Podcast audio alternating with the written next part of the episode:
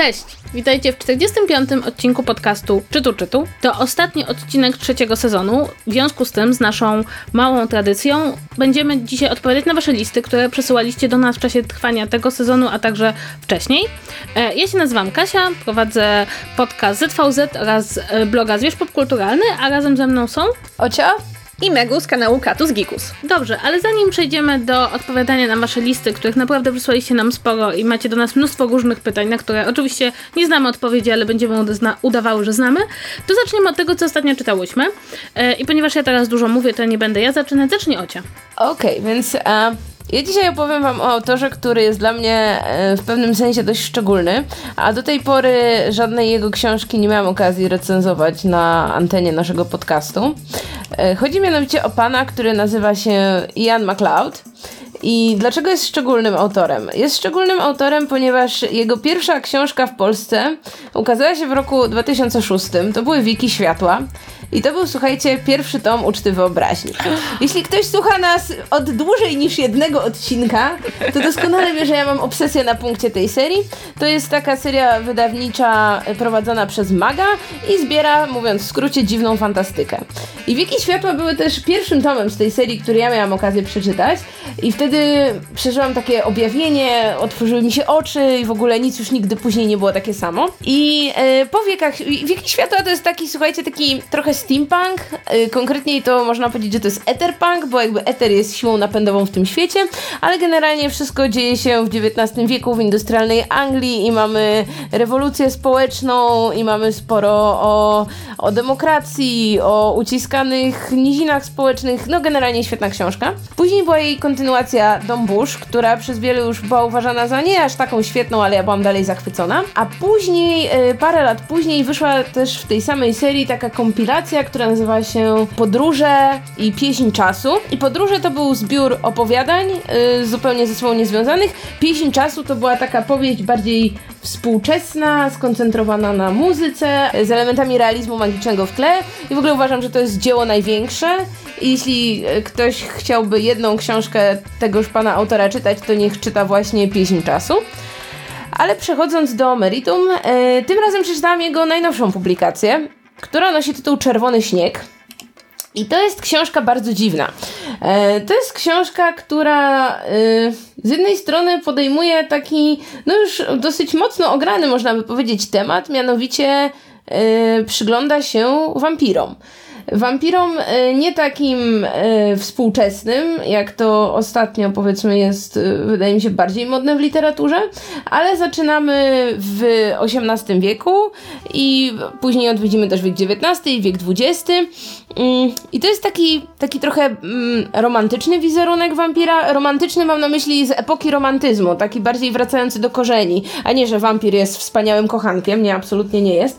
Wampir jest tutaj taką raczej przerażającą, udręczoną istotą, dla której ta klątwa wampiryzmu jest właściwie najgorszym, y, co go w życiu spotkało. Jest przekleństwem, którego nie sposób się pozbyć i który zostawia daną osobę y, w takim stanie, kiedy no wszystkie, całe jej dotychczasowe życie właściwie idzie w niebyt, wszelkie relacje, nie wiem, czy to relacje romantyczne, czy to relacje przyjacielskie, relacje rodzinne. Jest to skazanie na taką wieczną samotność, i tak naprawdę to, to wieczne życie, które jakby w zamian, w zamian powiedzmy e, tak, taki osobnik otrzymuje, no to jest tak naprawdę straszną karą, bo, bo to jest właśnie takie wieczne życie w tej samotności, w tej udręce, e, z takim z takim też poczuciem, że wszystko wokół przemija, że zmieniają się kolejne epoki, zmieniają się ludzie, a, a jakby ta osoba dalej tkwi gdzieś tam trochę w tym, w tym punkcie, w którym tkwiła podczas tej swojej przemiany. I, i w tej powieści są jakby konstrukcyjnie to jest dosyć dziwna książka, bo ona ma, ma trzy wątki, tro, troje bohaterów i te wątki gdzieś tam mają takie punkty styczne ze sobą, ale tak naprawdę, gdyby się uprzeć, można by każdą jakby jedną trzecią tej powieści, nie wiem, wydzielić i wydać osobno jako, jako nowelę, bo to są powiedzmy w miarę zamknięte całości. I zaczynamy w czasach wojny secesyjnej, gdzie poznajemy e, Karla Hauptmana, który jest powiedzmy najgłówniejszym z bohaterów tej książki, bo przewija się przez, też przez te inne historie. E, on jest lekarzem, lekarzem pracują, jakby, no, lekarzem, który idzie na wojnę, żeby właśnie leczy, leczyć żołnierzy. I e, po zakończeniu właśnie już ostatniej bitwy wojny secesyjnej zostaje przemieniony w wampira. I cała, cały ten jego wątek, właśnie cała ta jego historia koncentruje się głównie na tym, żeby poradzić sobie z tym, co go spotkało i dowiedzieć się więcej o, o samej tej istocie wampiryzmu. Później w kolejnym rozdziale przenosimy się trochę do tyłu w czasie, bo w czasy re rewolucji francuskiej, właściwie to tak w, w przededniu rewolucji francuskiej, gdzie z kolei e, oprowadzać nas będzie pewien malarz, który zajmuje się nie tylko tworzeniem nowych obrazów, ale też odrestaurowywaniem starych. I w trzecim wątku z kolei trafiamy trochę później w, później w czasie do lat, do przełomu lat 20. i 30. XX wieku, do Nowego Jorku, to są czasy prohibicji i naszą z kolei protagonistką jest e, młoda, bardzo bardzo taka idealistyczna działaczka proletariacka, która za, jakby w tym, co robi, za każdym razem się zastanawia, a co by zrobił Lenin. No i ona też zostaje y, przemieniona w wampira. I y, to wszystko wydaje mi się, tak jak zwłaszcza tak jak to streszczam, ciekawe, innowatorskie i takie też jest przez y, większość czasu, czasu lektury. Zmieniają się też gatunki literackie, w jakie jakby tak zapuszcza się autor, to znaczy ten pierwszy wątek ma w sobie trochę takiego klimatu westernowego, a z kolei ostatni ma też powiedzmy takie elementy powieści kryminalnej. E, no jest tu jakby dużo ciekawych zabiegów, zabiegów właśnie narratorskich, zabiegów konstrukcyjnych.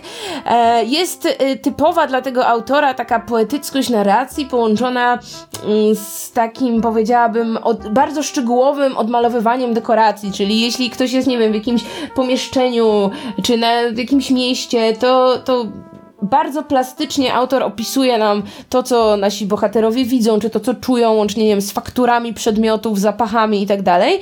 Więc czyta się to fenomenalnie.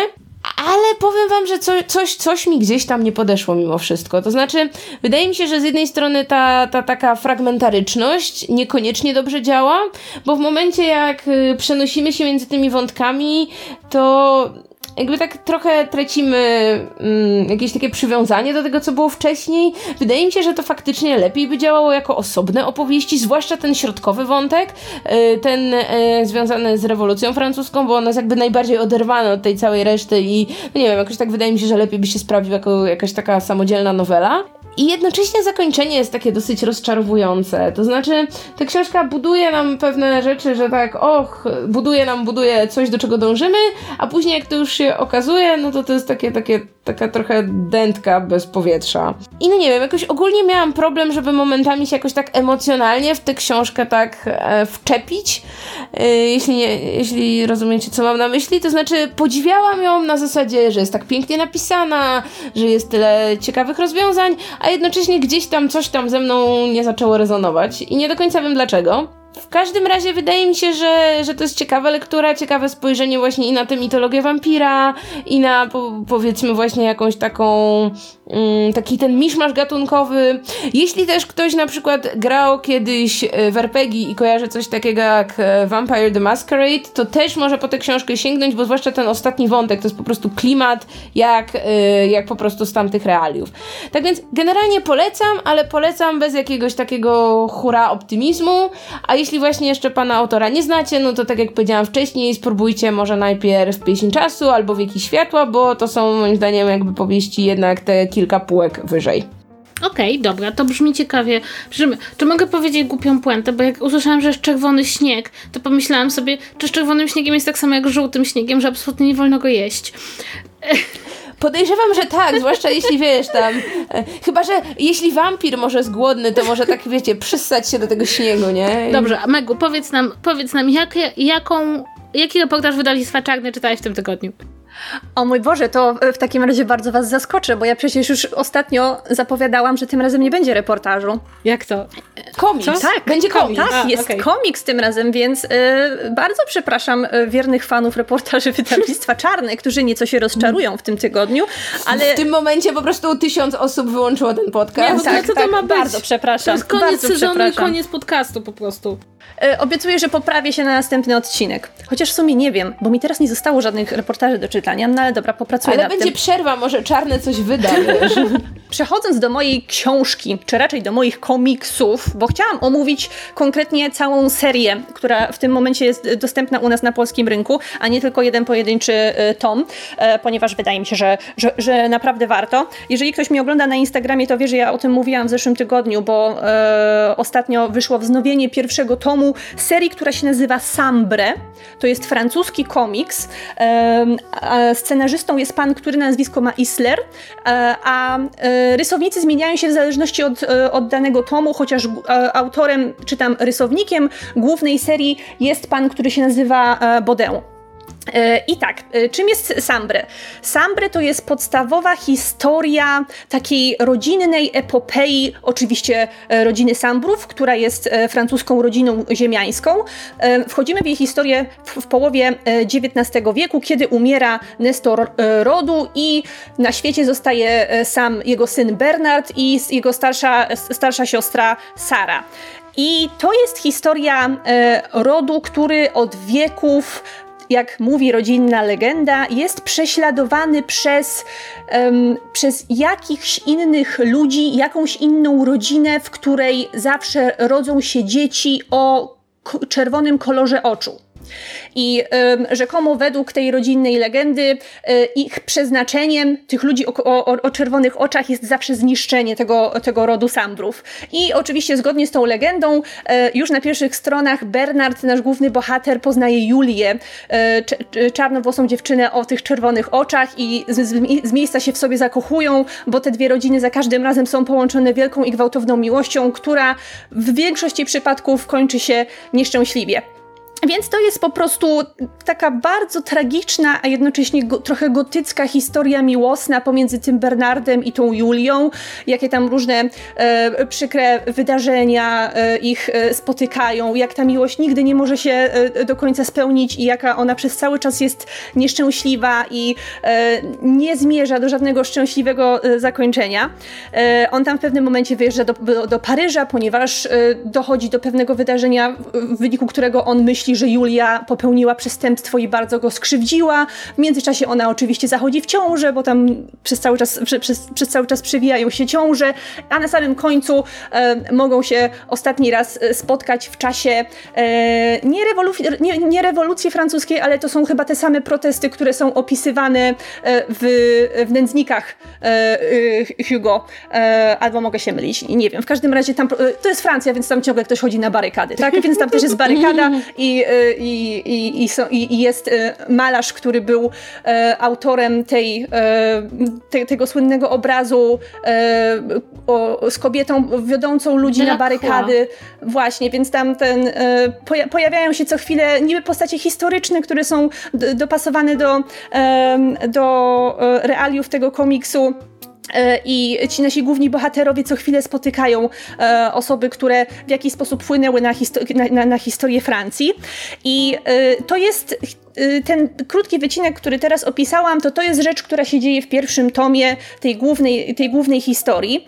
E, drugi tom został we Francji zamknięty w zeszłym roku, więc w Polsce się jeszcze nie ukazał, a ja ten pierwszy kupiłam sobie tylko dlatego, że on pierwszy raz został w Polsce wydany e, nie wiem, może 10 lat temu i bardzo szybko skończył się nakład, więc mi się nigdy nie udało go kupić i on tylko zaczął krążyć po, e, po Allegro w jakichś zawrotnych cenach jakiegoś pół, pół tysiąca za, e, za, za egzemplarz, bo nigdzie nie, było, nie, nie dało się go dostać.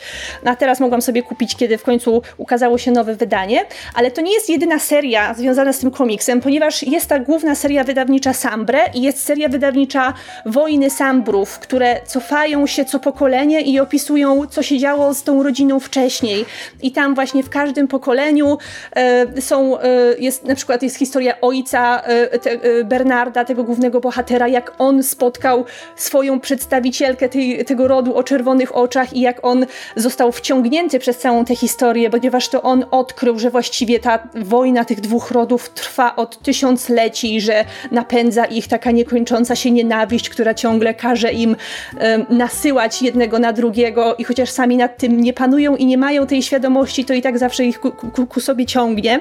E, I historia wszystkich czterech tomów w tym momencie obejmuje 100 lat, od połowy XVIII wieku do połowy XIX wieku. I ja tak sobie jeszcze raz je wszystkie powtórzyłam, żeby, y, żeby sobie przypomnieć, o co tam właściwie chodziło. I, z i y, muszę Wam powiedzieć, że jeżeli ktoś chciałby się za tą serię zabrać, to naprawdę trzeba być bardzo uważnym czytelnikiem, bo dopiero teraz, kiedy sobie skompletowałam tę całą serię, przeczytałam ją jeszcze raz, to wskazówki co do losów poszczególnych bohaterów albo co do tego, co się ostatecznie z nimi stało, są porozrzucane w tych wszystkich czterech tomach i trzeba naprawdę się mocno w, nie wczytywać i trzeba zapamiętywać dużo szczegółów, żeby sobie odpowiedzieć na, y, na pytania typu kto był czyim dzieckiem i kto, i kto jak kończył.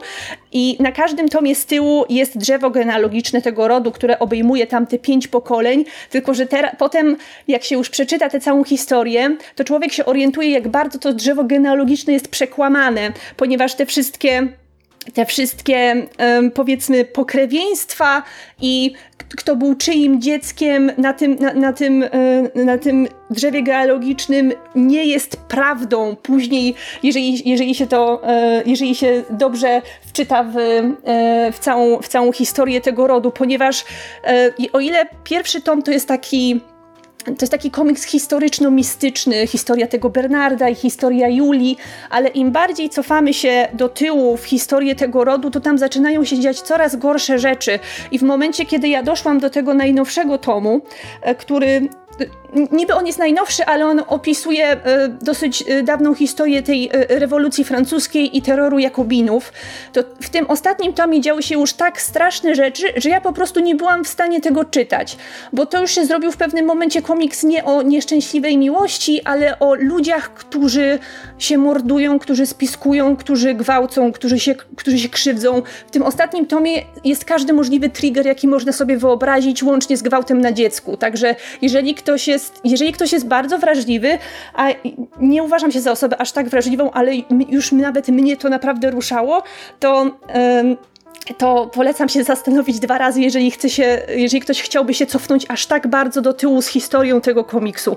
One są przepięknie narysowane i rysunki są wprost rewelacyjne, tylko że to są historie o złych ludziach, którzy robią bardzo złe rzeczy, więc nie, trudno jest właściwie w niektórych momentach znaleźć w nich jakikolwiek pozytyw, czy chociażby tam już tą szczęś, y, miłość pomiędzy ludźmi, którzy są naprawdę w sobie, w sobie zakochani, nawet jeżeli ona się kończy tragicznie, bo w tym ostatnim tomie, nawet jeżeli tam jest jakaś miłość, to jest ona jednostronna i wiąże się z wykorzystaniem y, jednej, jednej osoby, także tam się już dzieją rzeczy bardzo, bardzo złe. Niemniej jednak ja ten komiks mimo wszystko i tak polecam, chociaż ostatni ryje mózg. E, można je dostać wszystkie w internecie, nawet w takich bardziej przystępnych cenach, chociaż są one wydane na grubym papierze, w grubej oprawce i to jest taki troszeczkę komiks z wyższej półki, można by powiedzieć. E, ja czekam, aż się ukażą następne tomy u nas, ponieważ liczę na to, że Egmont wkrótce wyda ten, który się zakończył w zeszłym roku, a autor i tak wciąż ma w planach e, wydanie jeszcze kilku zeszytów, które można zebrać w jeszcze jeden trzeci tom tej głównej historii. I to, co jest ciekawe, to to jest to, że Isler pisze ten komiks od połowy lat 80. i on dopiero zamknął drugi tom, bo te historie, które opisują um, wcześniejsze pokolenia rodu Sambrów są rysowane przez kogoś innego. I to jest niesamowite, jak długo facet jest w stanie pracować nad jednym komiksem, nad jedną historią. On oczywiście we wszystkich wywiadach stwierdza, że to jest dzieło jego życia, które kiedyś tam mu się e, troszeczkę przyśniło, trochę jest związane z, e, z historią Francji, z historią jego rodziny i że on zawsze marzył, żeby coś takiego napisać i rzeczywiście od tylu, tylu lat, już 30 ponad w tym momencie, on się tego trzyma i ciągle tworzy i, i snuje tą swoją jedną historię tego jednego rodu bardzo konsekwentnie i myślę, że to jest coś, co, co jest naprawdę godne pochwały, jak ktoś przez cały czas się trzyma takiej jednej, e, jednej spójnej historii. Także, e, także ja polecam i mam nadzieję, że Wam się spodoba i że nie straumatyzuje ludzi aż tak bardzo. Słuchajcie, po prostu po tych wszystkich traumatyzujących rzeczach ja myślę, że ja przy, przybędę do Was z odrobiną radości. Jezu, powiedz coś o kucykach, proszę. Niech to będzie róż i jednorożce. Uwaga, będzie jedno, będą jednorożce, ponieważ przeczytałam książkę Goniąc czarne jednorożce. Książkę Marka Zamysłowskiego, wydaną przez wydawnictwo Agora, które ją przysłało nam za darmo, więc jest to książka, którą otrzymałyśmy jako czytu czytu, a ja ją przeczytałam, ja się poświęciłam.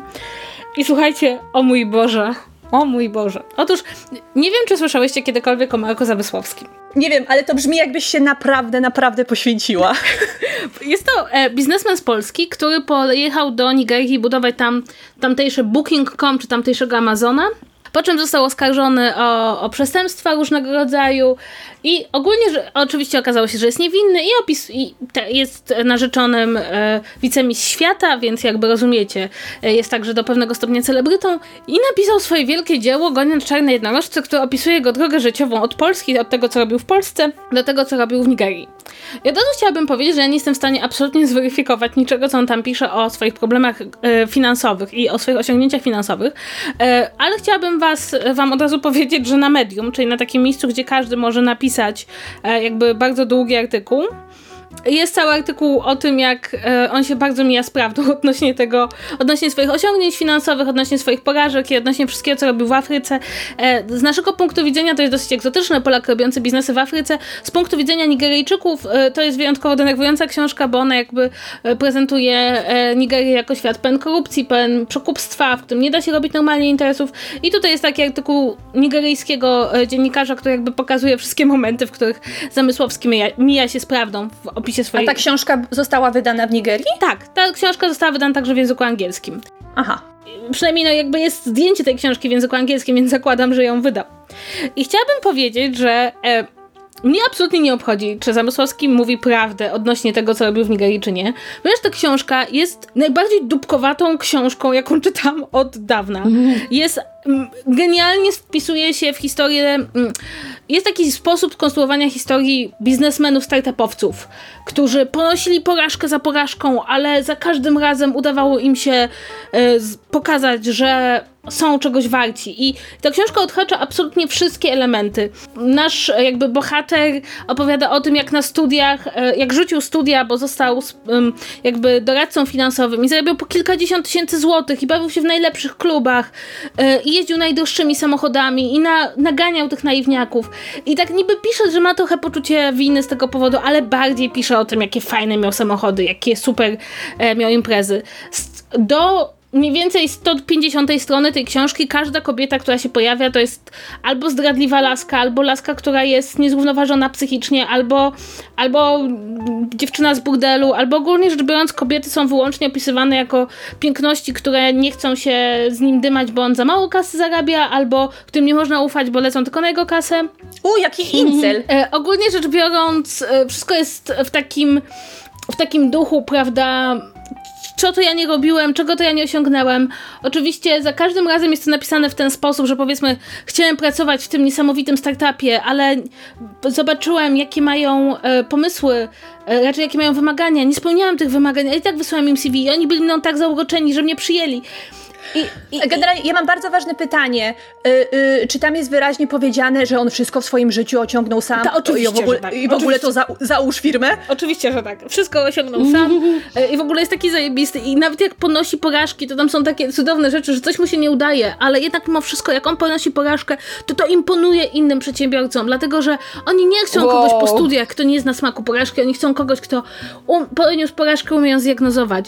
E, Opisuje, jak zakładał jakiś portal e, w Polsce jeszcze odnośnie który miał się zajmować, e, e, jakby być takim internetowym pośrednikiem w, w branży funeralnej i od razu jakby nie opisuje jak zakłada ten biznes normalny, tylko od razu o tym jak zadarł z tym, e, z, z łowcami skór i po prostu, prawda, tam nie ma żadnych nazwisk, żeby to było jasne, jakby, tylko zawsze, zawsze to są takie sytuacje, w których ktoś mu czymś grozi, ale mu się udaje, prawda, wykaraskać, albo jedzie, prawda, najpierw ma BMW, ale potem znowu nic nie ma i nie, nie, nie stać go na pieniądze, w, żeby kupić bilet kolejowy, ale potem już jedzie koleją, bo go stać za bilet kolejowy, a potem już jest w Dubaju i opisuje ci, jak cudownie jest w Dubaju.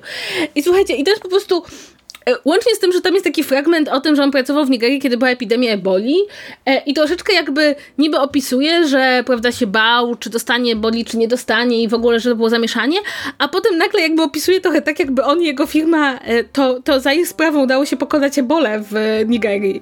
Wow. I, i, i to, to jest niesamowite, bo jakby ta książka składa się wyłącznie z konstrukcji e, e, mm, opo opowiadania tego typu historii, które ja już znam. Jakby to są, ciągle to jest ta sam, tak samo opowiadana historia, czyli jest facet, jest kozakiem, e, nikt go nie doceniał w młodości, e, studia nie są dla niego, bo jakby na studiach nie ma tego, co jest najważniejsze, czyli doświadczenia w pracy. Niby, niby to nie jest coachingowe, ale trochę jest takie, że jeśli jesteś, jeśli jesteś odważny, to na pewno ci się uda. Wszystkie osiągnięcia y, są tak naprawdę od razu przekładane na kasę, na, na szybkie samochody. Kobiety się pojawiają wyłącznie w takim bardzo przedmiotowym yy, znaczeniu.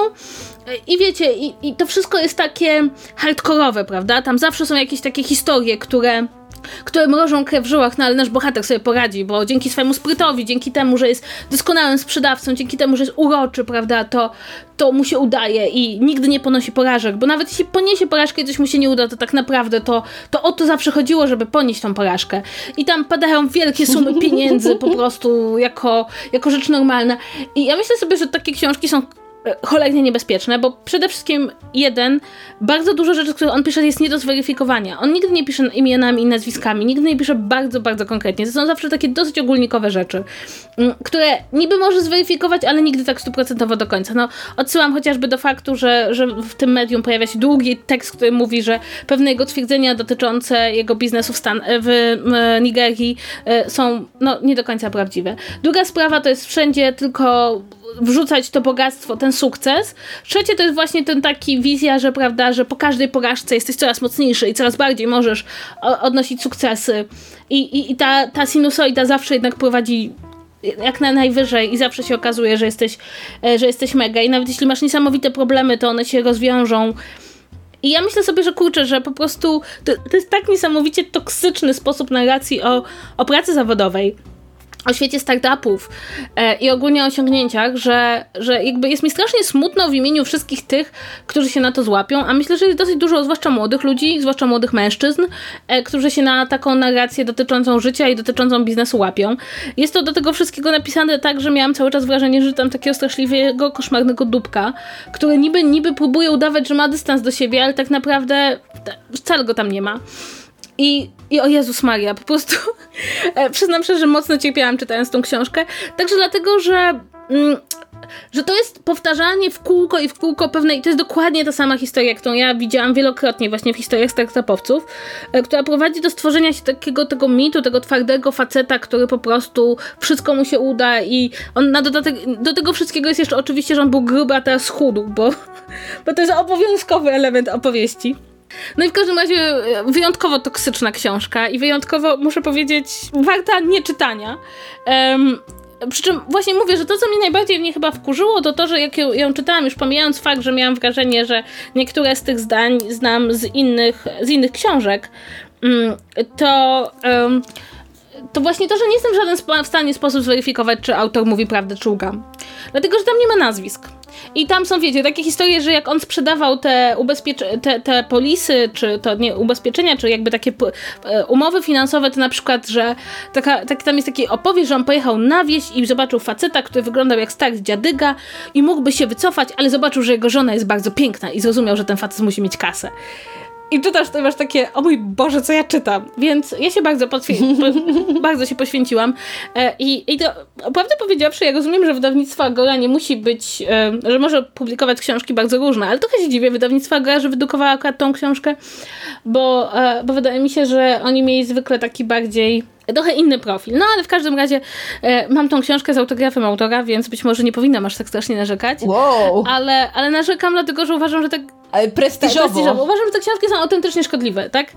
E, I uważam, że... Mm, że te, ta, ta narracja o sukcesie finansowym i o sukcesie w biznesie robi więcej złego niż dobrego, zwłaszcza kiedy potem zobaczymy, ile tych jednorożców, czyli tych startupów, które naprawdę przebiją się przez ten milion dolarów zysku e, istnieje i jak bardzo ta, ta, ta, ta niesamowicie zakorzeniona w nowej wizji kapitalizmu wizja sukcesu jest ostatecznie szkodliwa. Więc, więc tak, bardzo wycierpiałam czytając tę książkę, nie doczytałam jej do końca. Być może pod koniec jest coś, o czym wam nie mówię, więc od razu za, za, zakładam, że, że to może być opinia nie do końca o całej książce, ale to, co przeczytałam, a przeczytałam takie czwarte, to o mój Boże, o mój Boże, o mój Boże. Jeśli słucha nas wydawnictwo Agora, to już pewnie nigdy więcej nam niczego ja nie przyśle. Ja się zastanawiałam właśnie, czy, czy o tym powiedzieć, jakby nie będę, nie będę ukrywać, że, ale doszłam do wniosku, że jednak istnieje jakaś konieczność bycia, bycia uczciwym recenzentem i nie, nie, nie byłam w stanie przejść obojętnie wobec tej książki, ale też nie byłam w stanie powiedzieć na jej temat nic dobrego.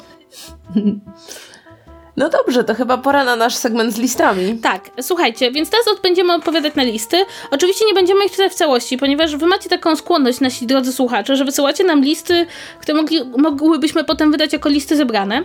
E, I trochę odpowiemy na listy, które przysłaliście nam od grudnia. E, a trochę, a trochę na te listy, które powinniśmy odpowiedzieć w grudniu, ale tamten odcinek był wyjątkowo krótki i nie zdążyłyśmy odpowiedzieć na wszystkie. I może Ociu, e, bo ty byłaś jakoś tak jako pierwsza, to teraz ty zacznij od pierwszego listu. Dobrze. E, więc pierwszy list e, w tym tygodniu otrzymałyśmy od Małgorzaty, która zadaje nam kilka pytań, więc pozwolę sobie jakoś tak po kolei do tych pytań podchodzić. I pierwsze pytanie dotyczy powieści Young Adult, o których często mówimy w swoim podcaście.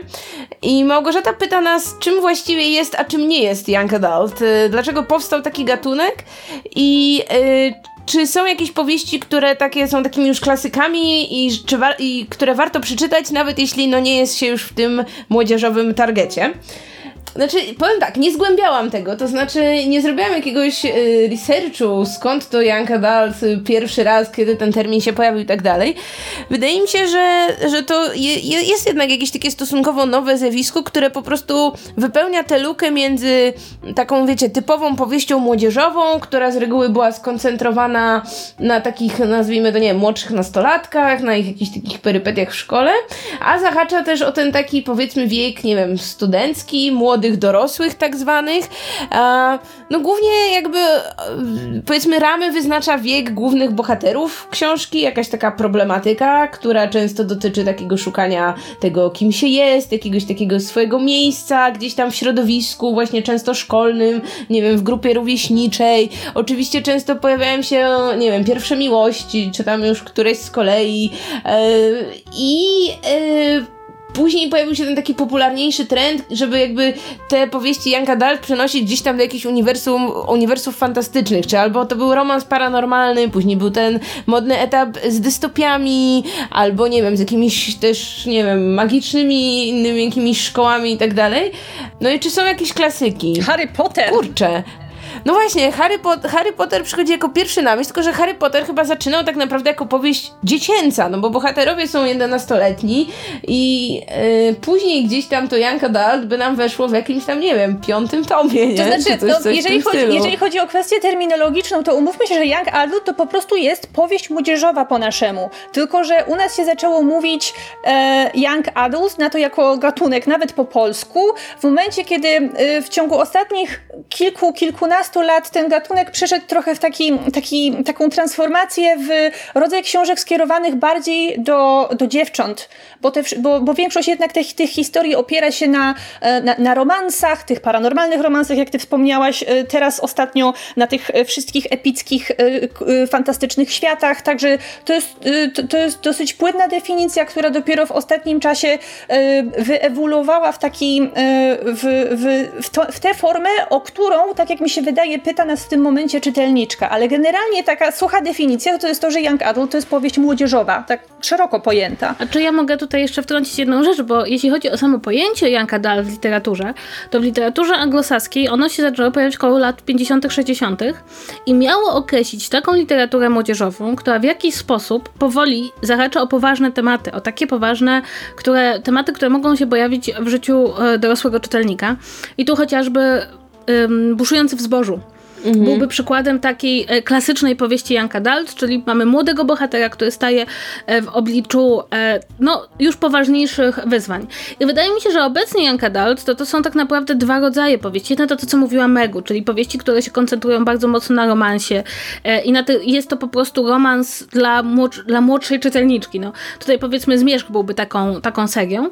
Natomiast z drugiej strony mamy Young Adult, które się bardzo, wydaje mi, wydaje mi się, rozwijały w ostatnich latach, czyli te, które właśnie poruszają do, do jakiegoś stopnia e, problemy ważniejsze, czyli powiedzmy Hunger Games, które w jakiś sposób roz, rozprawia się z kwestią dystopii, czy powiedzmy, jak to się nazywało? To Perks of Being Wallflower, czyli taka powieść, która tak. w jakiś sposób po polsku Charlie tak, to miało tak, tytuł. W jakiś tak. sposób e, dotyka problemów um, związanych ze zdrowiem psychicznym. Mamy także bardzo, bardzo taki mocny nurt powieści, które są związane z orientacją seksualną, tak na przykład jak um, o mój Boże, jest Love Simon, o którym wspominałyśmy, czy wcześniej na przykład y, Milion Odsłontarzy, od którego zaczęłyśmy nasz podcast, czy na przykład powieści Natalii Osińskiej, fanfic tak. slash. Czy ostatnio The Hate You Give, prawda, o którym też mówiłyśmy, który też wpada w Young Adult. Więc wydaje mi się, że problem z Young Adult jest taki, że to jest bardzo, bardzo szeroki gatunek, e, bardzo zróżnicowany, który tak naprawdę rzeczywiście najbardziej jest, możemy go zdefiniować przez potencjalnego odbiorcę, tego głównego odbiorcę, o którym myśli,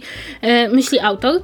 Chociaż na przykład mi się wydaje, że w Polsce takim young adultem, e, typowo kierowanym do dziewcząt z wymiarem romansowym, byłby na przykład Jerzy Cjada Małgorzaty Musielowicz, e, która jakby w, dokładnie w ten sposób definiuje potencjalnego odbiorcę, a jednocześnie, przynajmniej w tych pierwszych tomach, miał też taki bardzo e, przekaz związany z pewnymi zdarzeniami w życiu młodych ludzi, z którymi oni sobie muszą poradzić. Były też, miało to też wymiar w Opium Rosole czy w Bulionie BBB do pewnego stopnia polityczny, bo tam się wydarzenia polityczne pojawiały w tle. Więc jakby wydaje mi się, że to jest trochę tak, że bardzo jest. Y, trudno jednoznacznie powiedzieć, czym jest Young Adult, bo to jest po prostu bardzo szeroki gatunek. Znaczy, to jest określenie bardziej grupy docelowej literatury y, niż samego jednoznacznego wyznacznika gatunku. E, I też wydaje mi się, że jeśli mówimy o tych klasycznych powieściach e, Young Adult, no to to właśnie wydaje mi się, że możemy się nawet cofnąć właśnie do lat 50., 60., do, e, do właśnie do takich powieści jak no właśnie Buszujący w zbożu. E, przy czym wydaje mi się, że z Janka Dalt jest jeszcze trochę tak, że są powieści, które są niesamowicie ważne w momencie, w którym wychodzą, bo wtedy e, trafiają do tych młodych ludzi i które tracą na swojej ważności bardzo szybko. Ja mam wrażenie, że tak jest ze Zmierzchem, tak? Zmierzch był taką powieścią, którą, żeby być na bieżąco, trzeba było bardzo przeczytać wtedy, kiedy wyszła. Dzisiaj Zmierzchu można już właściwie nie czytać, dlatego że ważne było tylko, że on był i zainicjował to zainteresowanie tym, co paranormalne, tymi wampirami, wilkołakami, aniołami i tak dalej. Natomiast z punktu widzenia literackiego on nie jest aż tak ważny, że trzeba do niego wracać i jakby odkopywać to, co zaczęło ten trend. Okej, okay. i dalej Małgorzata pyta nas, czy mamy ulubiony typ postaci kobiecej, pozytywnej lub negatywnej? Jakie bohaterki są waszymi ulubionymi i dlaczego? O, potrzebowałabym godzin researchu, żeby dobrze odpowiedzieć na to pytanie, bo ja nigdy nie pamiętam postaci z książek, które czytałam. Znaczy ja, ja bym powiedziała, że to nie będzie chyba nic oryginalnego. No generalnie postaci takie, które mają swój wątek przede wszystkim, nie są tylko tłem dla jakiejś innej postaci, nie są tylko po to, żeby rozwinąć jakąś inną postać, yy, zwłaszcza postać, yy, nie wiem, męskiego protagonisty. Yy, takie, bo, bo, ja wiem, charakterne, no, takie konkretne dziewczyny, no, jak nie wiem, Ania z Zielonego Wzgórza, jak Hermiona w Harrym Potterze. I podejrzewam, że, yy, że teraz zwracam dużo mniejszą uwagę na jakąś taką sympatię do bohaterów niż kiedyś, że jak byłam młodsza, to to faktycznie było dla mnie ważne, żeby, nie wiem, ta postać była jakaś taka mm, mocno zarysowana, żeby ją lubić i tak dalej, a dzisiaj ja się bardzo mało koncentruję na bohaterach, więc trudno by mi było powiedzieć tak w kontekście, nie wiem, ostatnio czytanych książek. No kilka była świetną postacią z książki, którą niedawno recenzowałam, ale to nie tak, że, że czytałam tę książkę jakby tak zdając, jakby wiedząc, że, że tak będzie, prawda? Ja jeśli chodzi o moje ulubione postacie kobiece, to może to będzie zaskakujące, ale ja bardzo, bardzo lubię postacie kobiece z literatury klasycznej, e, z książek Austin, z książek e, Sius Bronte, z Przeminęło z wiatrem. E, lubię je dlatego, że z punktu, że lubię rozważać na ich przykładzie to, jak bardzo zmieniła się sposób pokazywania niezależnej kobiety i interesują mnie te momenty, w których one podważają ówczesne normy społeczne, a w których się z nimi zgadzają. I tak naprawdę dużo bardziej wolę bohaterki, których nie rozumiem, niż które rozumiem, bo dzięki temu mogę spojrzeć poprzez literaturę na czyjeś decyzje życiowe, których sama bym bym nie podjęła i ocenić i w jakiś sposób zrozumieć bohaterkę.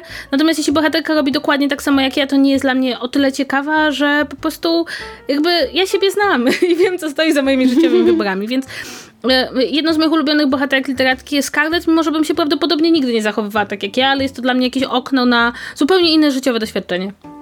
Dobra, to chyba, chyba już odpowiedzieliśmy Magdzie na wszystkie liczne pytania.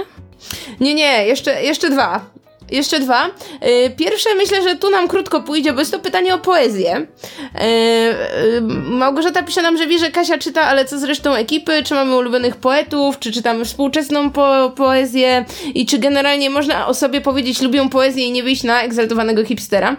Ja krótko, ja, nie, ja rzadko czytam poezję, tak bym powiedziała, że ostatni raz jakoś bardziej, to chyba jeszcze w czasach studenckich. Ja to czytam tak falowo, na zasadzie gdzieś tam natknę się na jakiś jeden przypadkowy wiersz yy, i stwierdzę, o fajne to to. No i tak zaczynam gdzieś tam patrzeć, co ten autor czy autorka jeszcze napisali, ale mm, zupełnie nie mam jakiegoś takiego, nie wiem, obeznania w poezji, co jest dobrą poezją, zwłaszcza taką, wiecie, współczesną, no bo jak tam powiedzmy znam klasyczne nazwiska, no to ej, wiem, że oni są dobrzy, bo o nich się mówi, ale jakbyście mi dali jakieś wiersze, nie wiem, debiutantów, to ja bym wam nie powiedziała, który to jest dobry wiersz, a który to jest zły wiersz. Tak więc, y, no w ogóle się nie czuję kompetentna w temacie poezji. E, to ja przyznam, że mam bardzo podobnie, e, a możliwe, że jeszcze rzadziej sięgam po poezję niż ty, bo nie pamiętam. Ja miałam tylko taki jeden zryw y, do poezji to było w okresie początków studiów, kiedy poprawiałam maturę z polskiego i tak jakoś z własnej woli zaczęłam y, czytać tych y, bardziej polskich klasyków, ujmijmy to, klasyków XX wieku, więc z tamtych czasów została mi wielka sympatia do Herberta Barańczaka i Leśmiana, a, a tak poza tym to nawet nie potrafiłabym powiedzieć, kto jaki, jaki wiersz napisał, więc absolutnie nie uważam się za kogoś, kto posiada choćby szczątkową wiedzę na temat poezji, więc nie będę udawać, że wiem o co chodzi. A jeszcze chciałabym powiedzieć na sam koniec, jako osoba, która czyta poezję, a propos tego hipstera. Jakby to, to problem, kwestia polega na tym, jak czytamy poezję. Ja po prostu, jeśli mam ochotę na poezję, to nie wiem, biorę tomik z półki w księgarni czy w domu i czytam jakiś wiersz i potem sobie nad nim myślę i to jest dla mnie bardzo przyjemne. Natomiast to nie jest styl życia, ani to nie jest tak, że musisz chodzić po ludziach i mówić im, że e, cytować im wiersze. I ogólnie rzecz biorąc, nie wiem czemu czytanie poezji wszyscy traktują jako jakąś taką niesamowicie hipsterską rzecz. No to jest po prostu czytanie czyichś myśli zapisanych w bardzo specyficzny sposób i staranie się jakby zrozumieć, co ta osoba chce ci powiedzieć i, i rozważanie tego, jak to robi. No to, to, to nie jest jakaś taka niesamowicie e, górnolotna rzecz, tak? No dla mnie to jest o tyle fajne, że to jest moim zdaniem najtańszy sposób, żeby poznać, jak działa cudzy mózg. E, więc, więc nie, więc autentycznie, tylko nie róbcie z tego stylu życia, bo jak robicie z poezji czyta, styl życia, czy nawet czytanie normalnych powieści styl życia, to wtedy to jest nie, nie do zniesienia. Jak po prostu się czyta poezję, to się po prostu czyta poezję i tyle. I ostatnie pytanie. Czy znamy jakieś współczesne książki o kobietach w średnim wieku, w których bohaterka nie rozwodzi się i nie znajduje nowego superfaceta zaraz po rozwodzie, nie buduje domu na wsi za pensję minimalną, nie pada ofiarą wielkiej zbrodni? Generalnie, czy mamy czytamy, znamy, kojarzymy jakąś dobrą powieść obyczajową o kobietach około 40 roku życia. I ja od razu powiem, że przyjrzałam listę swoich czytanych książek. Nie, absolutnie nie. Jakby to zupełnie nie pojawia się w żadnej półce literatury, którą czytam. Zrobiłam taki szybki flashback do wszystkich książek, które przeczytałam w ostatnim czasie i nie wydaje mi się, żeby była tam bohaterka, która wpasowuje się w ten profil. Przykro mi. E, ja polecam książki Anny Fryczkowskiej. Ona bardzo fajnie pisze o bohaterkach, które, e, które trochę w życiu przeżyły, ale zupełnie inaczej niż to jest w tym schemacie takiej literatury. E, co prawda bohaterka powieści Janet Ewanowicz nie ma 30, 40 lat, ale, ale wydaje mi się, że, że bardzo by się spodobała. Jakby bardzo fajnie podważa pewne schematy powieści o kobietach w tym wieku. E, I niech pomyśli, i ogólnie ja, ja, jakby, ja bym się strasznie nie złościła na taki rodzaj powieści, bo to są powieści, które mają po prostu przynieść jakieś, no to, to trochę tak jak w romansach człowiek się musi zakochać, tak? Więc jeśli ktoś pisze o kobietach po 40 i nie chce wchodzić w te wszystkie schematy, to po prostu pisze powieść, a nie pisze powieść specjalnie kierowaną do, do tej grupy wiekowej. Więc, więc wydaje mi się, że to jest troszeczkę takie, mm, przepraszam bardzo, czepianie się gatunku książkowego za to, że spełnia warunki gatunku książkowego. No dobrze, to koniec pierwszego listu. Wow. Tak, kto czyta drugi list? Ja mogę przeczytać. W drugim liście Ania zadaje nam pytanie e, na temat tego, co sądzimy o gatunku powieści erotycznej. Znacie jakieś dobre przykłady książek, które warsztatowo trzymają poziom? Postacie są trójwymiarowe i da się je lubić, a sceny seksu nie są za każdym razem opisane jako rozpadanie się na milion kawałków. Dzięki złym, złym książkom Pawła znam mnóstwo przykładów słabszej literatury erotycznej, a chciałabym dać temu gatunkowi uczciwą szansę. Ile powieści erotycznych omówił Paweł? Jedno, dwie? Y, no, Greja i tę taką powieść Ilony Felicjańskiej. I Milczarny Książę. A nie Czarny Książę? Tak, i, i coś tam chyba Kasi Michalak, ale nie jestem pewna. Okej, okay. jest większym ekspertem od nas. Tak, jakby ja chciałabym od razu powiedzieć, że literatura erotyczna ma bardzo dobrą, bardzo fajną historię i jeśli szukasz chociażby jakiejkolwiek naprawdę dobrej powieści, która jest jednoznacznie erotyczna, to przeczytaj sobie Kochanka Lady Chatterley. To jest powieść, która ma już kilka dekad, ale jest ogólnie bardzo fajna. Jest o pewnej pani, która nie może mieć, nie może uprawiać seksu ze swoim mężem, w związku z tym znajduje sobie bardzo, bardzo pięknego leśniczego i uprawia z nim seks wszędzie, gdzie może. E, jest to powieść, co prawda, która ma trochę lat, ale jest, jest bardzo fajna, bo, bo to jest taka tam bohaterowie nie podchodzą do tego bardzo, bardzo poważnie i mają naprawdę mnóstwo radochy z uprawiania tego seksu wszędzie, gdzie się da. E, było kilka ekranizacji, chyba tylko jedna mniej więcej od... Jest taka, gdzie Richard Madden gra leśniczego i to, moż, to może nie jest dobra ekranizacja, ale Richard Madden Jest taka, gdzie chyba Sean Bean gra leśniczego i to jest chyba najlepsza ekranizacja. Najlepsza jest francuska. Nie, najlepsza jest francuska. E, w każdym razie bardzo polecam kochanka Lady Chatterley, to jest porządna powieść erotyczna i, i dobrze się ją czyta. I był nawet proces sądowy, czy można takie zbezeceństwa publikować w Wielkiej Brytanii. I jest o tym film, w którym gra David Tennant. O, to tu mnie zainteresowałaś, bo ja przyznam szczerze, nie czytałam absolutnie żadnej dobrej powieści erotycznej. Znaczy, nie to, żebym czytała szczególnie dużo tych złych, bo czytałam całą jedną i to była powieść Unrise, Przebudzenie śpiącej królewny. Nie polecam. I w tym momencie stwierdziłam, to nie jest gatunek dla mnie i się odbiłam. Tak więc, no może faktycznie warto przejrzeć te, te, te klasyki, prawda? Które jeszcze w dodatku kiedyś tam pewnie, nie wiem, bulwersowały społeczeństwa. Ogólnie chyba to trochę jest tak, że nie, nie ukrywajmy, e, że, na, że powieści erotyczne rzadko bywają wielką literaturą, tak? E, można sobie poczytać Markiza de Sade i tam dopiero są rzeczy, że wiecie, że człowiek się nagle orientuje, że bardzo dużo różnych rzeczy można opisać na papierze i, i bardzo ludzi zgorszyć, ale, ale ogólnie rzecz biorąc też nie ukrywajmy, że ta popularna powieść erotyczna, która jest dzisiaj, to ona też jest taka umiarkowanie erotyczna, nie? Tylko to jest taka bardziej dla pań, że nie obrażając pań w średnim wieku, ale to ona jest, to jest puderyjna powieść erotyczna, to coś w tym stylu. Znaczy wiecie, jest, jest ta ostatni, ten taki hit w Polsce, to napisała ta pani Blanka Lipińska, ona tak. się chyba nazywa 365 na pierwszej dni, stronie. Gdzie tam po prostu, tak, od pierwszej strony są penisy i generalnie tam jest y, seks na co drugiej stronie. Ja to przeczytam. I to taki niekoniecznie konsensualny, więc wydaje mi się, że ten gatunek to ma się coraz gorzej. Ja to przeczytam na pierwszy odcinek następnego sezonu, obiecuję. W ten sposób przywołamy okay, ludzi, dobra. żeby nas To wrócimy do tematu. Wow, jesteś taka dzielna, Kasia. Słuchajcie, to co? To chyba następny list, żeby, żeby już iść dalej. Tak. E, I to chyba będzie pytanie do Megu, mam takie dziwne wrażenie. Chciałabym poszerzyć, a właściwie zdobyć jakąś podstawową wiedzę na temat kultury Japonii w przystępnej wersji. Niedawno przeczytałam krótką informację m.in. o tym, że w Japonii pełnoletność osiąga się w wieku 20 lat. Teraz zostało to zmienione i tak poczułam, że chciałabym się dowiedzieć znacznie więcej o tym kraju. Czy możecie polecić coś ciekawego laika, dla laika w tym temacie? Pyta Edyta. E, musiałabym przypomnieć sobie cały katalog książek, które musiałam czytać na studiach, e, ale one nie dotyczyło tak, one na pewno nie dotyczyły tych czasów najnowszych, więc e, generalnie wszystkie książki o kulturze Japonii, historii Japonii z wydawnictwa Uniwersytetu, Uniwersytetu Jagiellońskiego najbardziej e, myślę, że nadają się do polecenia, ale one są takie powiedzmy e, ściśle naukowe i e, bardziej dla takich wielkich pasjonatów, a nie do wprowadzania na temat na, na, temat Japonii.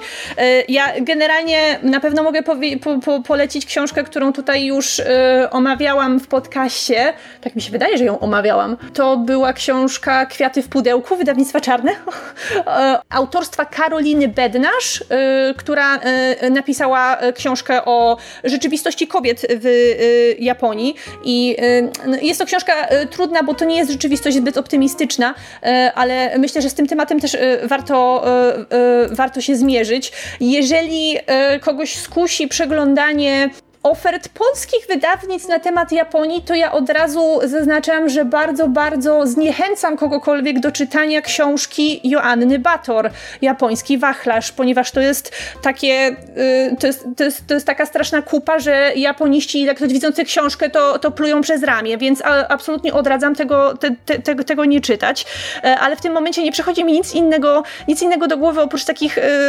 bardzo profesjonalnych i naukowych opracowań, ale od, od kwiatów pudeł pudełku jak najbardziej warto zacząć. Dobrze, to y, wydaje mi się, że następne pytanie też jest do ciebie, Megu. W związku z tym nie, nie odchodź jeszcze od mikrofonu. Y, Zuzanna pyta, Megu, bardzo zainteresowały mnie reportaże i ja również chciałabym zacząć swoją przygodę z tym gatunkiem. Problem w tym, że nie wiem jak. Przeglądam ofertę wydawnictwa Czarne, ale ilość tytułów okazała się dla mnie zgubna. Macie więc jakieś sugestie, jak zacząć? Jaki był wasz pierwszy reportaż i jaki najbardziej zapadł wam w pamięć?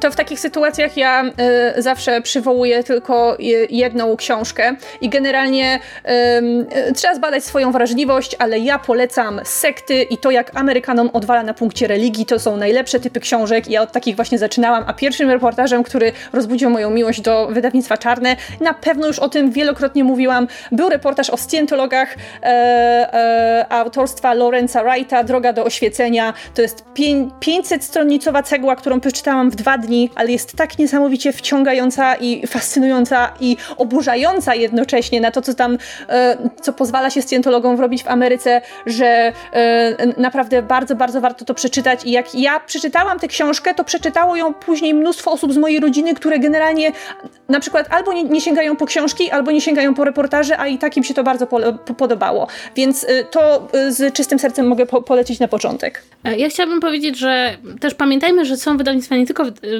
reportaże nie tylko wydawnictwa czarne. Co? Ja chciałam What? powiedzieć, że po pierwsze ja uważam, że w przypadku wybierania reportaży naprawdę bardzo warto się sugerować tematyką i tym, co nas po prostu interesuje. Natomiast też chciałabym wam e, powiedzieć, że mój, mój początek zainteresowania reportażami, bo ja też czytam dużo reportaży, e, to były reportaże polskie i przede wszystkim to była twórczość Hanny Kral, e, której wszystkie reportaże kiedyś przeczytałam w bardzo krótkim czasie i nie polecam tego. Znaczy, nie polecam... Można się zdołować, co? E, znaczy, jakby ja byłam na to trochę przygotowana, jakby, ale przede wszystkim one są bardzo, one są fenomenalne literacko. Hanna Kral ma taki system, że ona pisała reportaże od od lat 70., czy nawet wcześniej. E, I jakby każdy kolejny reportaż zawiera coraz mniej słów. E, I ona jest coraz bardziej lakoniczna, coraz więcej zostaje do, w niedopowiedzeniu, ale są to po prostu literacko fenomenalne rzeczy i bardzo, bardzo, bardzo polecam je do przeczytania.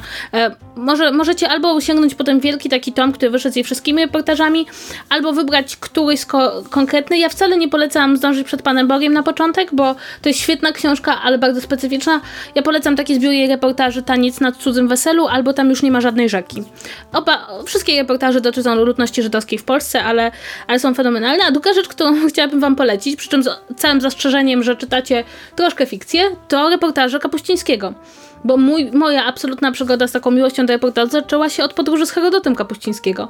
E, świetnym reportażu o nim samym, jeżdżącym po świecie i e, piszącym reportaże, jednocześnie czytającym Herodota, czyli pierwszego historyka, jakiego znamy.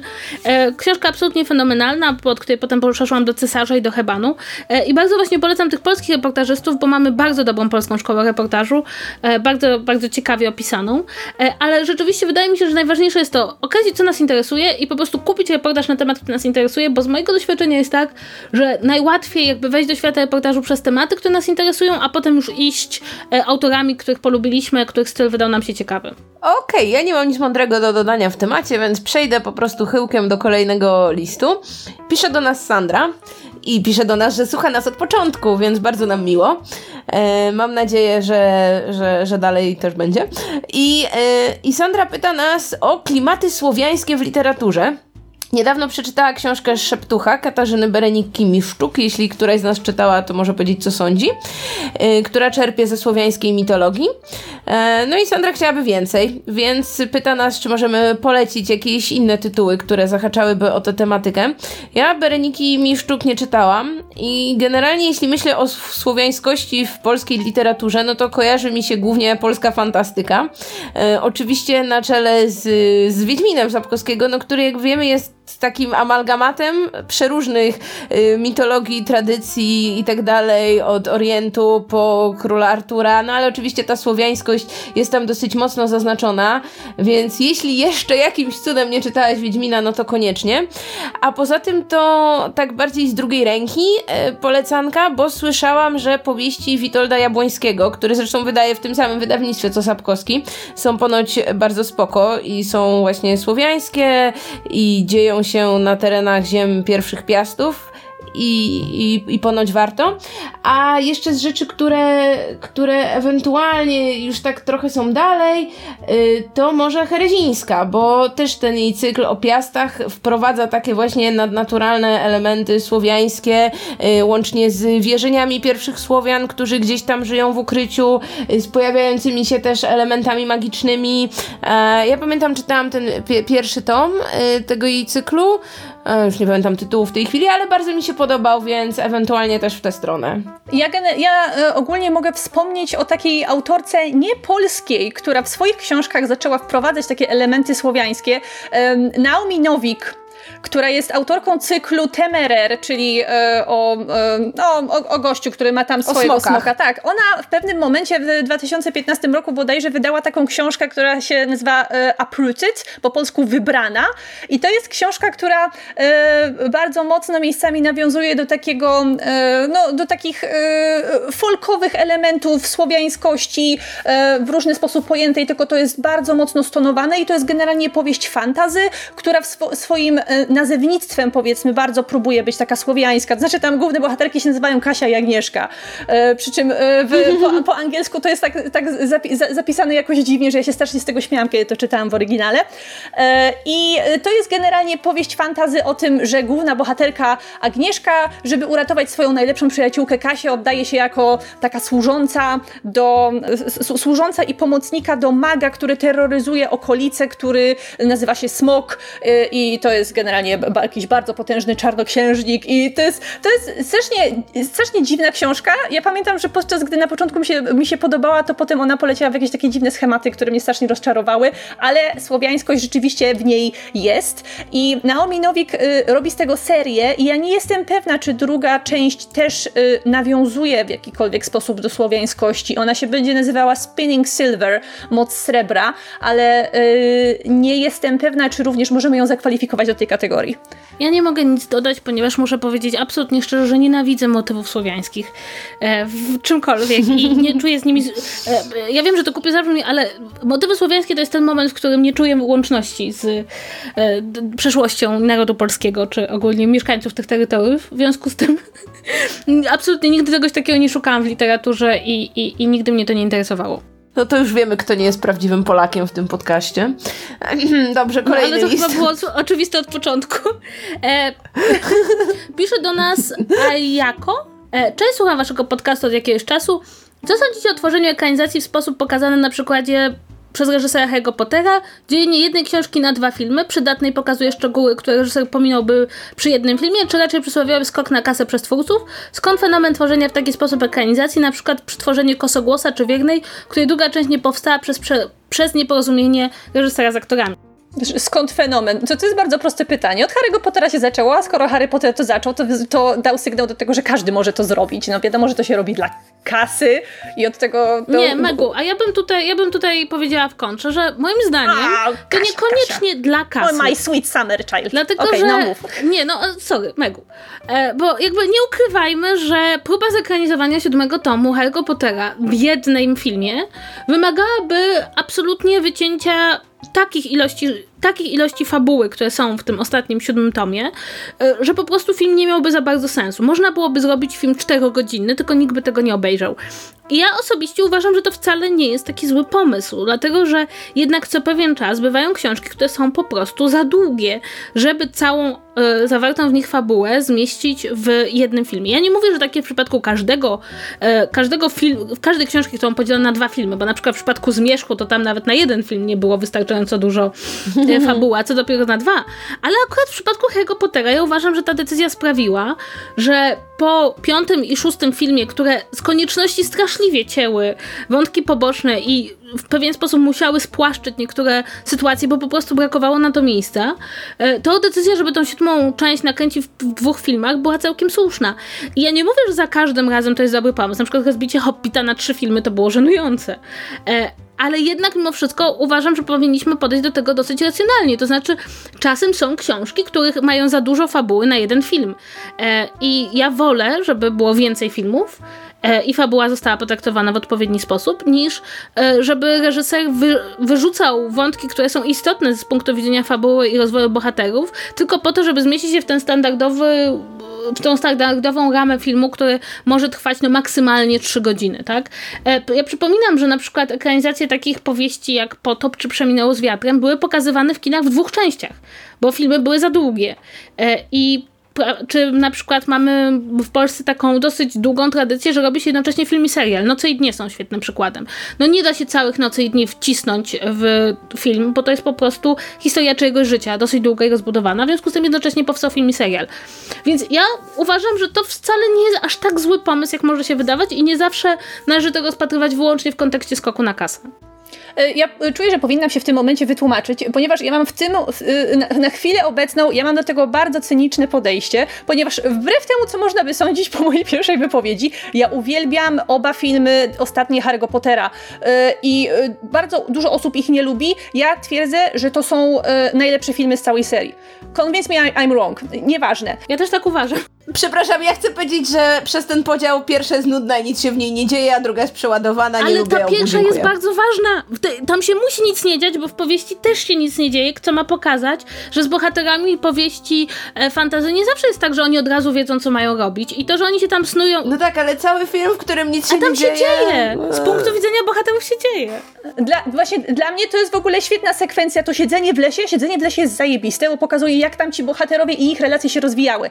Ale Harry Potter z tych nowożytnych filmów i nowożytnych ekranizacji Young Adult, ponieważ to je się głównie rozbija na części i tego nieszczęsnego hobbita, świeć panie nad jego duszą, to Harry Potter był jedynym filmem, który wyszedł, a cała reszta, cała reszta, te wszystkie kosogłosy, te wszystkie wierne, w ogóle, z których ostatnia część w ogóle nie wyszła, e, te, te wszystkie zmierzchy, to było, to, to, to już było takie e, wy, wykalkulowane wyciąganie pieniędzy z kieszeni widza i dlatego ja tak tego nie lubię. Powinno się było skończyć na Harry Potterze, ale no, nie dało się nie skończyć, ponieważ był to nowy trend wprowadzony. A nie wydaje ci się, że Zmierzch i Kosogłos i tak nie byłyby dobrym filmem, niezależnie od tego, ile by miały część? Tak, ale przez to trzeba było je męczyć dwa razy. A ja bym tu chciała powiedzieć coś miłego, to znaczy tak trochę może na wyrost, ale wydaje mi się, że filmem, który ma szansę zadziałać w dwóch częściach, czego jeszcze nie wiemy, bo druga część dopiero w tym roku, może być to, Kinga, mhm. bo pierwsza część była super i nie miało się wrażenia, że jest takim wyszarpanym na prędce po prostu połową książki, tylko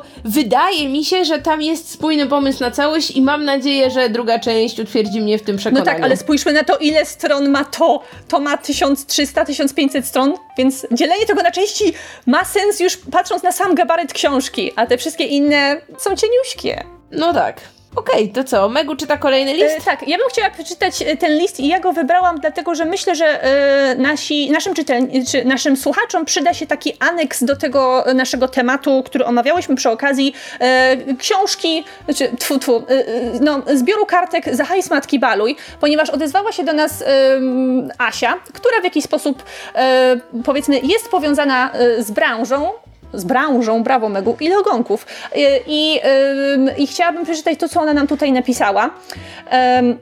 I Asia pisze tak. Żeby uleczyć rynek książki, potrzebny jest głos czytelników. I nie tylko ten krytyczny, który potrafi ściągnąć książkę z półek, ale przede wszystkim ważne są pozytywne reakcje. Kciuk w górę na stronie księgarni internetowej, ocena na lubimy czytać, komentarze, lajkowanie postów z danym tytułem na social media, mediach wydawni, wydawców. To wszystko ma wpływ na decyzję góry, czy dać zielone światło projektowi. Jeśli poprzedni tom ma dobre reakcje, to pójdzie kontynuacja. Jeśli ten temat jest na topie, to możemy w to wejść. Jeśli autor ma wielu fanów, wydajemy kolejną jego książkę. Oczywiście słupki sprzedaży nadal są mega ważne, ale ogólny ruch wokół danego tematu, serii czy autora nie pozostaje bez echa w wydawnictwie. Czasami te lajki, kliki i inne głupotki wydają się płytkie, ale warto, drodzy czytelnicy. Więc to jest może coś, co nasi słuchacze, co nasi słuchacze wezmą sobie do serca, żeby reagować i dawać internetowy wyraz temu, jak bardzo czekają na jakąś serię albo na kolejną książkę danego autora, bo najwyraźniej to są rzeczy, na które wydawnictwa bardzo zwracają uwagę przy wyborze kolejnych tytułów do publikacji. Super. Dobrze, to kolejny list. Y, ja sobie go muszę znaleźć. Ja mogę przeczytać, e, jak coś. To jest tak, przed, przedostatni list, który przysłała nam Magda i przyznam szczerze, że ogromnie się cieszę, że Magda do nas napisała w tej kwestii, bo chciałam coś w tym temacie powiedzieć i nie było okazji, a teraz jest okazja. Mianowicie Magda porusza temat tegoroczny, tegorocznych wyników przyznania dotacji przez Ministerstwo Kultury i Dziedzictwa Narodowego w ramach programu Promocja Czytelnictwa. I Magda pyta, no co sądzimy właśnie o decyzjach ministerstwa i właśnie o tym podziale tych, tych pieniędzy. No i e, ja przyznam, że, że słyszałam o tej sprawie właśnie już, już wcześniej przed listem Magdy, a teraz sobie po prostu wyszukałam więcej danych na ten temat. E, no więc e, w tym roku Ministerstwo Kultury miało blisko 6 milionów złotych do rozdysponowania właśnie na, na, na, sam, na samą promocję czytelnictwa. No i różne inicjatywy, nie wiem, biblioteki, fundacje, y, organizatorzy jakichś targów czy festiwali książkowych y, mogli się po taką dotację zgłosić, no i ministerstwo jakby te fundusze y, rozdysponowało. I wydaje mi się, że w większości przypadków no nie ma się do czego przyczepić. Jakby sporą część tych, tych pieniędzy otrzymują biblioteki na jakieś takie swoje cykle, czy to nie wiem, cykle spotkań, czy takie cykle wykładów, na jakieś takie profilowane działania, często skierowane do młodszego czytelnika, do dzieci, do młodzieży, można sobie całą listę tych bibliotecznych inicjatyw przejrzeć, więc jakby tutaj te, też no, nie jestem jakimś wielkim znawcą tych tematów, ale powiedzmy tutaj nic nie budzi moich zastrzeżeń. Zastrzeżenie, yy, zastrzeżenia nie budzą też yy, takie dwie największe dotacje przyznane temu, tej inicjatywie, która odpowiada za Cała Polska czyta dzieciom. Bo więc oni dostali w tym roku dwa razy po 250 tysięcy, właśnie y, jedną, jedną sumę na kolejną edycję tej kampanii Cała Polska czyta dzieciom i kolejną y, sumę na nowy program edukacyjny Wychowanie przez czytanie. Wydaje mi się, że to są jedne z tych, y, jakby ta Cała Polska czyta dzieciom, że to jest jedna z tych inicjatyw, które zresztą chwaliłyśmy przy okazji naszego odcinka o promocji czytelnictwa, że właśnie te akcje skierowane do najmłodszych, czy do rodziców najmłodszych, które no jakby uczą społeczeństwo, jak ważne jest to czytanie od najmłodszych lat, ten kontakt z książką. Wydaje mi się, że to jest mega cenne, więc tutaj też jakby zero zastrzeżeń z mojej strony. No i właśnie, i trzecia, jakby ta największa, trzecia ta suma 250 tysięcy poszła chyba na najbardziej dyskusyjny cel. E, mianowicie otrzymała ją, e, otrzymały ją ogólnopolskie targi wydawców katolickich, co jest o tyle kontrowersyjne, że wiele wiele innych takich targowych czy festiwalowych inicjatyw. W tym roku wsparcia w ogóle nie dostało. No i e, są to, nie wiem, e, takie na przykład międzynarodowe książ książki, w, e, targi książki w Krakowie nie dostały, festiwal literacki w Sopocie nie dostał, e, nie dostały też żadne inicjatywy związane z komiksami czy fantastyką, między innymi Pyrkon, który jest chyba największą taką fantastyczną imprezą w Polsce, czy festiwal komiksowa Warszawa, który organizowany jest zawsze przy targach targach książki. E, no i e, wiele jeszcze innych mniejszych, mniej znanych inicjatyw tego typu. A no i przyznam szczerze, że no to nie brzmi dobrze, tak? To znaczy, niczego nie ujmując ogólnopolskim targom wydawców katolickich, wydaje mi się, że jeśli mówimy o promowaniu czytelnictwa, to jednak większą promocję czytelnictwu robi Pyrkon, czy targi książki w Krakowie, czy właśnie komiksowa Warszawa, niż targi wydawców katolickich. Ja jeszcze może powiem, że wśród tych festiwali, które nie zostały na przykład e, no, nagrodzone dotacją, jest na przykład Festiwal Konrada, który od bardzo wielu lat jest takim festiwalem literatury wyższej, który za, zaprasza do Krakowa no, twórców literackich z całego świata. Jest naprawdę bardzo ważnym wydarzeniem na tej literackiej mapie e, Polski. Czy na przykład nie dostały weekendy, mm, weekendy księgarni kameralnych, czyli taki e, projekt wspierający mniejsze księgarnie w Polsce, które nie, nie należą do wielkich sieci.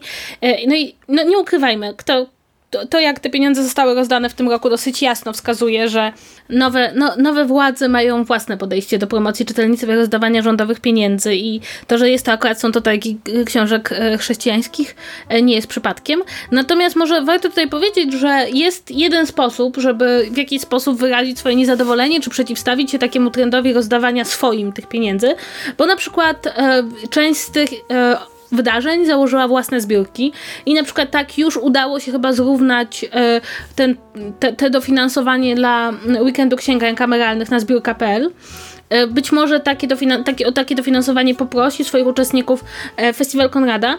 E, już było w przypadku takich wydarzeń kulturalnych w Polsce, że one nie dostawały dofinansowań ministerstwa, na przykład tak było z Festiwalem Malta, który nie dostał dofinansowania, bo, bo wystawił chyba dwa lata temu Golgota Piknik i to wywołało niechęć Ministerstwa Kultury. Więc ja bym tutaj powiedziała, że bardzo jest ważne to, że jeśli widzimy, że pewne dobre i słuszne inicjatywy kulturalne nie dostają dofinansowania nie z powodów obiektywnych, tylko z powodów, no nie ukrywajmy, ideologicznych, to warto sprawdzić, czy nie możemy w jakiś sposób sami pomóc i sami się dołożyć. E, no bo to jest jedyny sposób, żeby stawiać jakiś opór pewnemu myśleniu o tym, że dobre inicjatywy to są tylko inicjatywy spójne ideologicznie z obozem rządzącym, bo nie na tym kultura polega, żeby wszyscy myśleli tak samo, tylko właśnie, żebyśmy się spotykali na wydarzeniach, które e, do spraw kultury, czytelnictwa i w ogóle wartości podchodzą w bardzo różny sposób. To ostatni list. No, to ja przeczytam. E, KS do nas napisała, napisał e, i teraz tak. Cześć, słucham waszego podcastu od pewnego cza od czasu powstania i można powiedzieć, że dzięki wam zaczęłam czytać książki bardziej regularnie. Studia, szczególnie prawnicze, składają się z czytania tak dużej ilości tekstów, że na ogólnie określając czytanie dla przyjemności brakuje czasu i siły. Jaką y, za jakąś lekturę nie będącą podręcznikiem lub ustawą zabieram się zwykle dopiero w wakacje i ferie. Moi znajomi z innych kierunków krytykowali takie sezonowe czytanie jako niegodne prawdziwego czytelnika. A co wy na ten temat uważacie? Czy też macie takie czytelnicze napady i okresy czytelniczego lenistwa?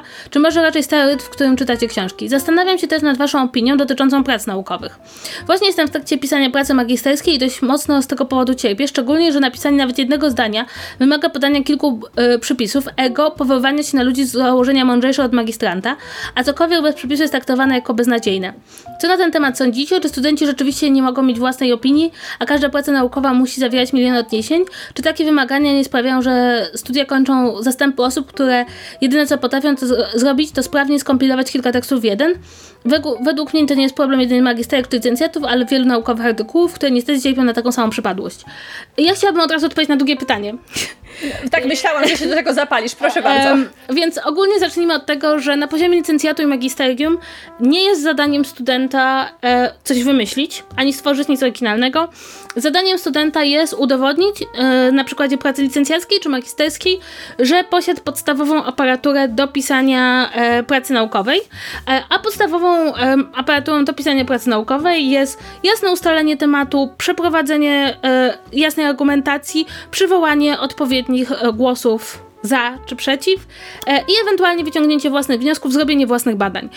Tutaj jakby ta samodzielność intelektualna nie jest wymagana o tyle, że po prostu na tym po, po, już pomijając wszystko inne, na tym poziomie to jest jeszcze za wcześnie. Dopiero magisterką czy licencjatem udowadniasz, że umiesz spełnić podstawowe założenia pisania pracy naukowej. Tam, gdzie wymaga się od ciebie absolutnej innowacyjności e, i takiego zupełnie nowatorskiego podejścia, to jest poziom e, doktoratu, e, habilitacji i książek już późniejszej pracy naukowej. Więc zacznę od tego, że jakby licencjat czy zwłaszcza licencjat, ale też magisterka nie wymagają od ciebie e, żadnej innowacyjności i nigdy nie miały tego wymagać. To jest sprawdzenie, czy posiadło się pewne podstawowe umiejętności związane z uprawianiem nauki. To jest absolutna podstawa, jeśli o to chodzi.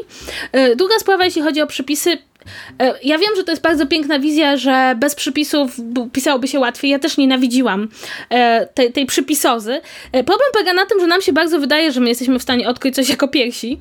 A bardzo często, kiedy zaczynamy e, szukać w tym, co napisali inni, to odkrywamy, że e, inni już coś takiego napisali. I skompilowanie e, argumentacji różnych stron i przedstawienie jej w sposób taki, żeby była ciekawa, żeby była logiczna i żeby pokazywała jakąś dyskusję, to też jest umiejętność. I jest to umiejętność, która paradoksalnie moim zdaniem przydaje się w życiu bardzo, bardzo często i jej posiadanie jej jest przydatne. E, natomiast to nie jest do końca tak, że w ogóle nie można samemu myśleć w pracy naukowej, e, bo jednak e, to jakby czym innym jest porywanie się na czyjeś zdania, a czym innym odniesienie się do niego. I tutaj już to jest, to jest właśnie ta praca własna, żeby się do czyjegoś zdania odnieść. Gdybyśmy pisali bez, bez przypisów, to niestety istniałaby bardzo duża i to się zdarza w tekstach bez przepisów, że nagle się okazuje, że odkrywamy Amerykę pod, spod niebieskiej ceraty i piszemy o rzeczach, o których ktoś inny już pisał, e, albo piszemy o własnym widzimisię, e, albo niestety wydaje nam się, że jesteśmy mądrzejsi od wszystkich innych, a to się nie do końca e, udaje. Przy czym też od razu chciałabym zwrócić uwagę, że ja nie, nie znam tego, co się dzieje na prawie. Ale na przykład w przypadku historii przepisów jest mnóstwo, ale to na przykład, nie wiem, jeśli robisz przepisy do e, książek na jakiś temat albo do artykułów prasowych, ale jednocześnie podchodzisz do nich krytycznie, no to ta duża ilość przepisów nie znaczy, że każdy, każdą, każde źródło, na które się powołujesz, e, traktujesz je w sposób absolutnie mm, czołobitny i, i taki, że jest to, o mój Boże, ktoś coś takiego napisał, więc jest to prawda, bo jakby krytyczne podejście do przywoływanych źródeł jest absolutną podstawą pracy naukowej. Osobiście mam takie wrażenie, że to się rzeczywiście na tym poziomie magisterskim wydaje się, że te przepisy są strasznym zawracaniem głowy, a, a potem z każdym kolejnym krokiem w świecie nauki człowiek odkrywa, że wcale te przepisy nie są zawracaniem głowy i tak naprawdę um, to powoływanie się na innych, to, to dołączanie do jakiejś dyskusji e, ma jak najbardziej sens, tylko, tylko właśnie kwestia polega na tym, jak do tych przepisów podejdziemy. E, w związku z tym e, chciałabym tylko powiedzieć, że moim zdaniem jest to, jest to zarzut, który bardzo często wysuwa osoba, która pisze magisterium i który potem staje się coraz mniej. Um, mniej wyraźny. I też mi się wydaje, że to, to jest też troszeczkę tak, że innowacyjność, e, jest, na to, jest miejsce na innowacyjność i na przepisy, tylko, tylko właśnie no nie wiem, no w pracach historycznych potrafi być 500 przepisów w książce, nawet 1000 przepisów w książce i one potrafią też być innowacyjne. Natomiast nie czytałam jeszcze nigdy żadnej książki po XIX wieku, w której nie byłoby żadnego przepisu, e, która, która bym powiedziała, tak, ta osoba wymyśliła wszystko od zera. Bo nawet ludzie, którzy wymyślają absolutnie nowe rzeczy, robią to bardzo często w kontrze do ludzi, którzy coś wymyślili przed nimi i to wymaga przepisu.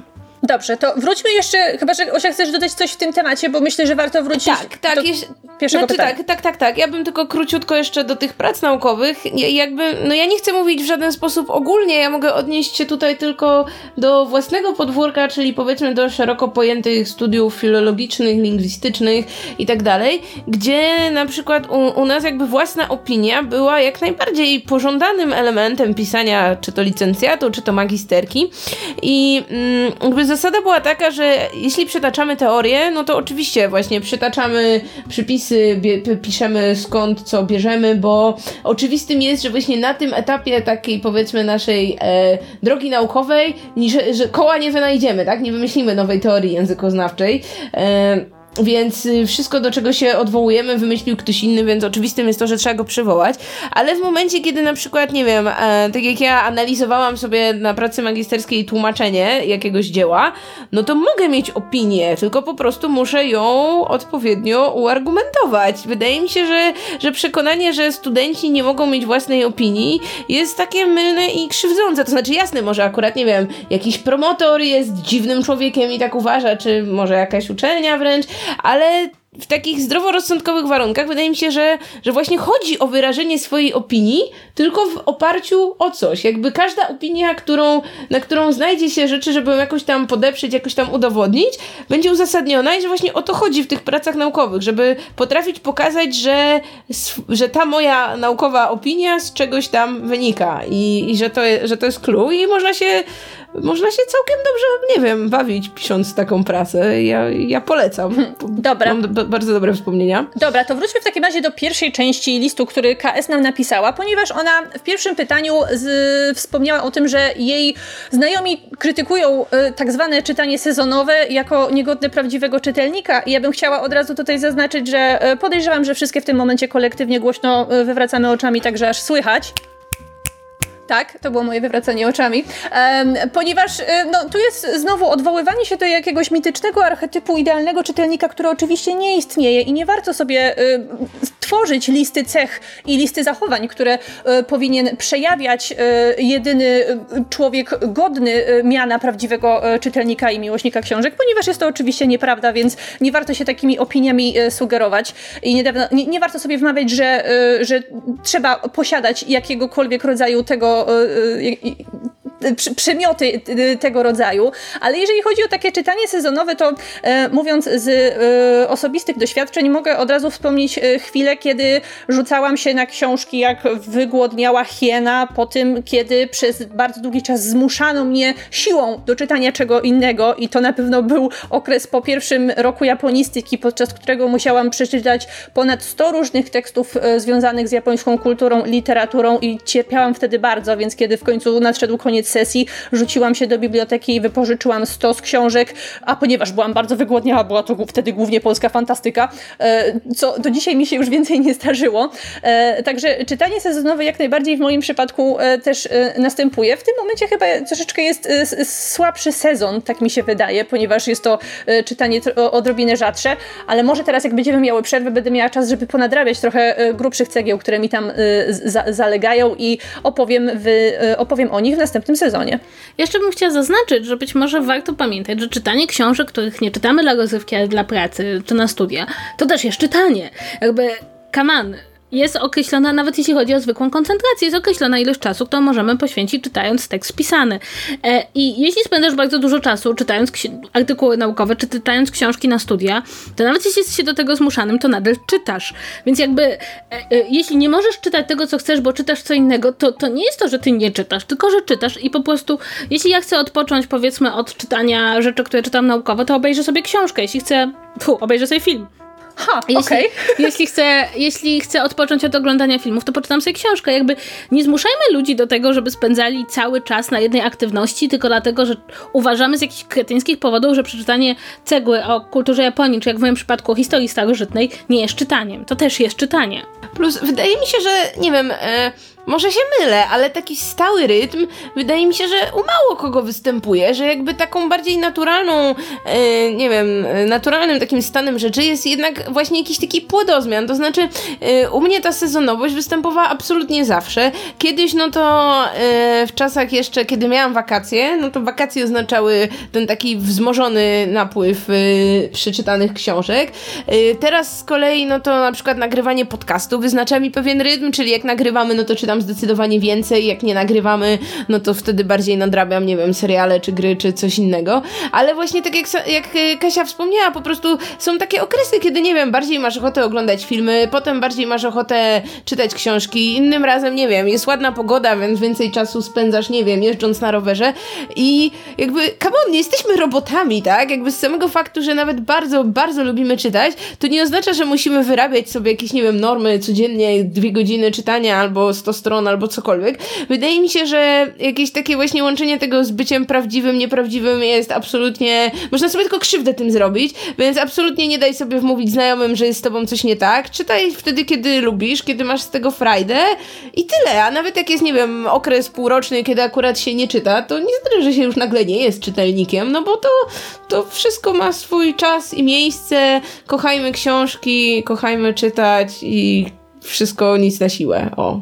I mi się wydaje, że to jest absolutnie piękna puenta e, naszego dzisiejszego odcinka, ostatniego odcinka w sezonie, e, z którym żegnamy się z wami na pewien czas, bo e, musimy pójść i czytać inne rzeczy. Ale powrócimy spokojnie z nowymi książkami, z nowymi aferami, z mnóstwem masła. Nadal możecie do nas pisać listy, to spokojnie do, dołączą do grupy listów, na które odpowiemy prawdopodobnie pod koniec jeszcze następnego sezonu. teraz Ocia wam powie, co możecie dla nas zrobić, nie tylko po tym odcinku, odcinku, ale w ogóle przez cały okres, kiedy nas nie będzie. Przez całe życie. Y, tak, więc jako, że z listami jesteśmy już na czysto, nie mamy żadnych zaległych listów, to tak jak Kasia powiedziała, piszcie do nas kolejne listy, żebyśmy miały co czytać w kolejnym sezonie. Nasz adres mailowy to nieustannie czy to czytą małpa podsłuchane.pl. Oczywiście możecie nam też zostawiać komentarze pod odcinkami na YouTubie albo na naszym fanpage'u na Facebooku. Możecie nam zostawiać wszelkie lajki, kciuki, suby, czy co tam się jeszcze zostawia w internecie. Możecie nas słuchać na iTunes i na Spotify, jeśli tak wolicie. Jesteśmy też w każdej możliwej aplikacji podcastowej. E, a poza tym e, wpadajcie też na podsłuchane.pl, zwłaszcza pod naszą nieobecność, kiedy inne podcasty wypełnią tę lukę w waszym, w waszym serduszku. A my wracamy prawdopodobnie w maju, tak więc postaramy się przez ten czas przeczytać mnóstwo, mnóstwo, mnóstwo ciekawych rzeczy. Jeśli macie jakieś specjalne życzenia co do książek, co do tematów odcinków, oczywiście wszystko możecie nam podrzucać, a my chętnie poczytamy, co macie nam do przekazania. I trzymajcie się ciepło. Papa, do zobaczenia w następnym sezonie. Do usłyszenia, papa! Pa!